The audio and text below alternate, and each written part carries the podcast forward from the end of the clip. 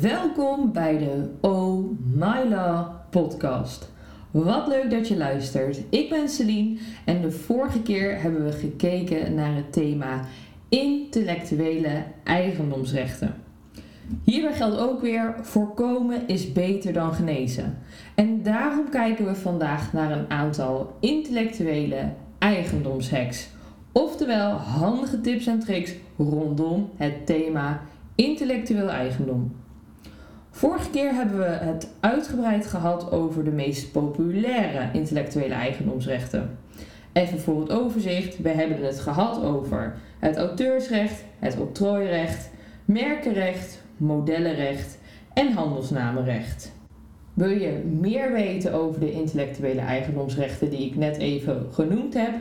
Dan zou ik luisteren naar aflevering 7, dus dat is de aflevering hiervoor, want daar worden ze uitgebreid besproken.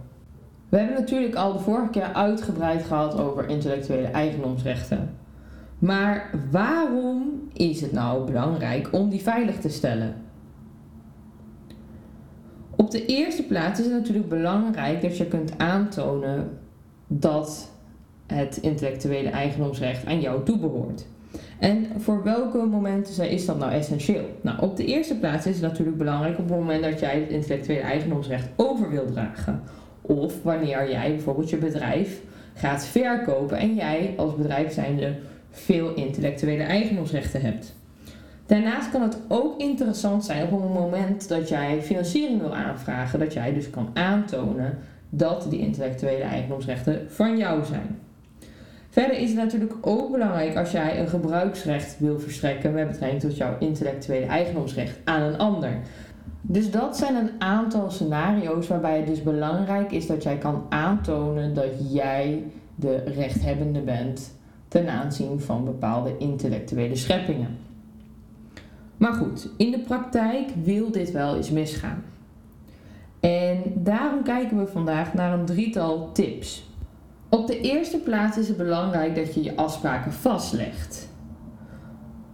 Je kunt er dus niet omheen.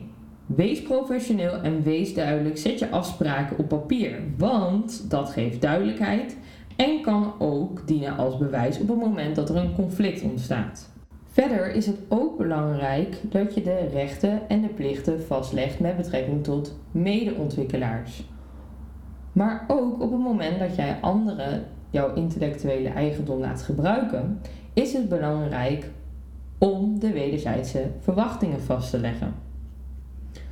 Een andere tip is om op te treden tegen een inbreuk. Dus stel je voor, je hebt een heel mooi boek geschreven en een ander kopieert dat boek en huppatee verdient daar geld mee. Het is dan belangrijk om op te treden tegen die inbreuk. De derde tip ziet eigenlijk op het duurzaam opslaan slash onderbrengen van je intellectuele eigendomsrechten. Ja, klinkt heel cryptisch, dat begrijp ik, maar wat bedoel ik daar nou mee? In sommige gevallen kan het verstandig zijn om jouw intellectuele eigendomsrechten in een andere structuur onder te brengen. En dat doe je eigenlijk om dan die intellectuele eigendomsrechten te beschermen, makkelijker over te kunnen dragen, ehm, ze veilig te houden van andere problemen die kunnen ontstaan in andere bedrijfsstructuren. Door ze in een bepaald element te stoppen van een bedrijfsstructuur, creëer je eigenlijk een soort van plastic opblaasbal om die intellectuele eigendomsrechten. En dat kan zowel voor- als nadelen met zich meebrengen. Een groot voordeel op dat punt is natuurlijk dat ze moeilijker aantastbaar zijn. Een nadeel daarbij kan natuurlijk zijn dat je een gehele eigen bedrijfsstructuur moet gaan opzetten. En dat kost natuurlijk tijd, geld en ook erg veel moeite natuurlijk. Dus dat is natuurlijk een hele belangrijke afweging. Daarnaast is het natuurlijk ook interessant om te kijken hoeveel intellectuele eigendomsrechten heb ik. En hè, is dat het wel waard? Of uh, hè, hoeveel risico loop ik als ik het op zo'n manier ga indelen? Dat zijn allemaal zaken die mee kunnen spelen op het moment dat jij dus die bedrijfsstructuur gaat opbouwen. Het heeft dus niet alleen te maken met hoeveel winst je haalt, hoeveel omzet, noem het allemaal maar op. Het is ook belangrijk om te kijken wat heb ik eigenlijk allemaal in het bedrijf zitten en heeft dat bescherming nodig, ja of nee? Ze zeggen ook wel eens in herhaling zit de kracht. Nou, die tips die je dus net hoorde, die komen dus echt voort uit de praktijk. In die zin dat mensen niet hun afspraken vastleggen. Dat ze ook niet optreden op het moment dat er een inbreuk is. En wat ik hier heel vaak zie, is dat ze te laat optreden tegen een inbreuk. Waardoor eigenlijk op het moment dat het schip compleet is afgebrand, partijen compleet hoog op de barricade zitten, elkaar liever uh, elimineren, om het netjes te zeggen, dan nog met elkaar spreken. Dat dan gepoogd wordt om er nog wat van te maken.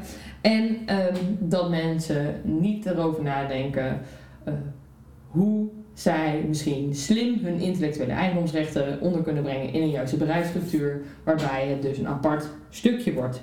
Maar goed, dat zijn dus allemaal dingen die misgaan. Nou, jij hebt nu het voordeel, doordat je naar deze podcast luistert, dat je dat dus niet hoeft te doen. Hè. Jij gaat nu echt heel erg goed die afspraken vastleggen. En als jij al afspraken hebt gemaakt, ik zou eventjes checken of het ook allemaal goed op papier staat en of alle rechten plichten helemaal duidelijk zijn. Natuurlijk, op het moment dat je hier zit te luisteren en jij hebt iets geweldigs gemaakt en er is gewoon een copycat, hè, laten we duidelijk zijn, die zijn er zat. Ehm, en jij ziet van hé, hey, die is gewoon letterlijk mij aan het kopiëren. Of hé, hey, dat lijkt misschien wel erop dat hij mij aan het kopiëren is. Trek bij ons gewoon aan de bel. Liever een keer onnodig aan de bel getrokken dan één keer niet of te laat. En daarbij is het ook heel belangrijk om het volgende even te benoemen. Wat zie ik nou gebeuren? En dat is echt een Nederlandse trend om het maar zo te zeggen. Er is een probleem. En dat probleem schuiven we voor ons uit. Uitstel, uitstel, uitstel, uitstel, uitstel. En wat gebeurt er met dat probleem? Dat probleem wordt alleen maar groter. En de frustratie rondom dat probleem wordt ook alleen maar groter. En op dat moment, als het probleem en de frustratie zo hoog zijn, dan heeft dat ook een essentiële impact op jouw onderneming. En dat wil je niet en dat moet ook niet gebeuren. Dus wees er gewoon op tijd bij. Zo, halleluja. Dus afspraken vastleggen.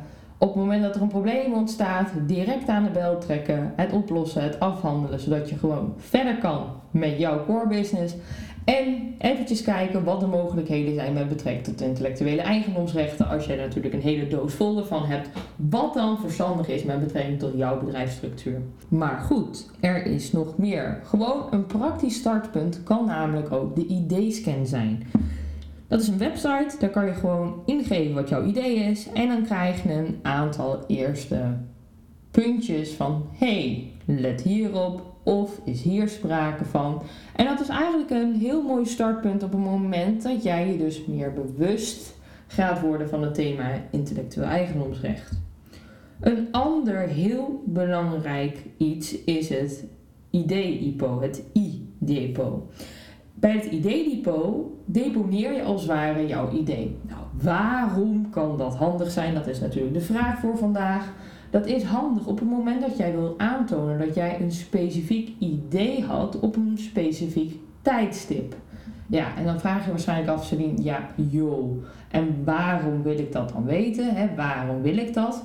Nou, dat wil jij op het moment dat jij wilt aantonen dat jij een bepaald idee eerder had dan een ander.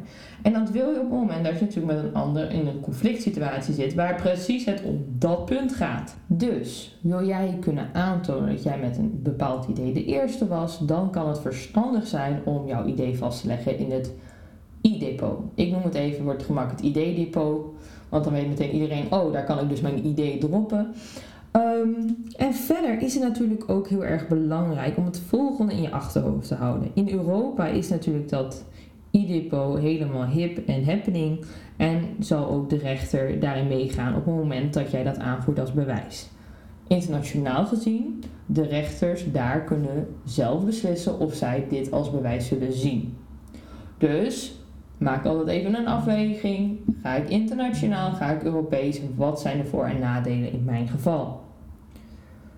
Het kan natuurlijk ook fijn zijn om een idee met een ander te delen. met bijvoorbeeld een investeerder of met een samenwerkingspartner. Het kan gewoon praktisch zijn om iets te kunnen delen met betrekking tot jouw idee. Maar, daar ben ik natuurlijk weer, je moet die afspraken ook vastleggen.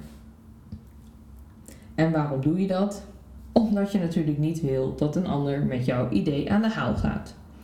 En hoe kan dat? Nou, dat doe je in een geheimhoudingsovereenkomst of een NDA, een Non-Disclosure Agreement. In het kort spreek je hierin af wat je wel, maar ook niet mag doen met de informatie die je van de ander krijgt. En een hele belangrijke, je legt natuurlijk ook de consequenties vast op het moment dat men zich niet houdt aan de afspraken. Zo, aan alles komt een eind. Ook aan deze alweer achtste aflevering. Bedankt voor het luisteren en tot de volgende keer.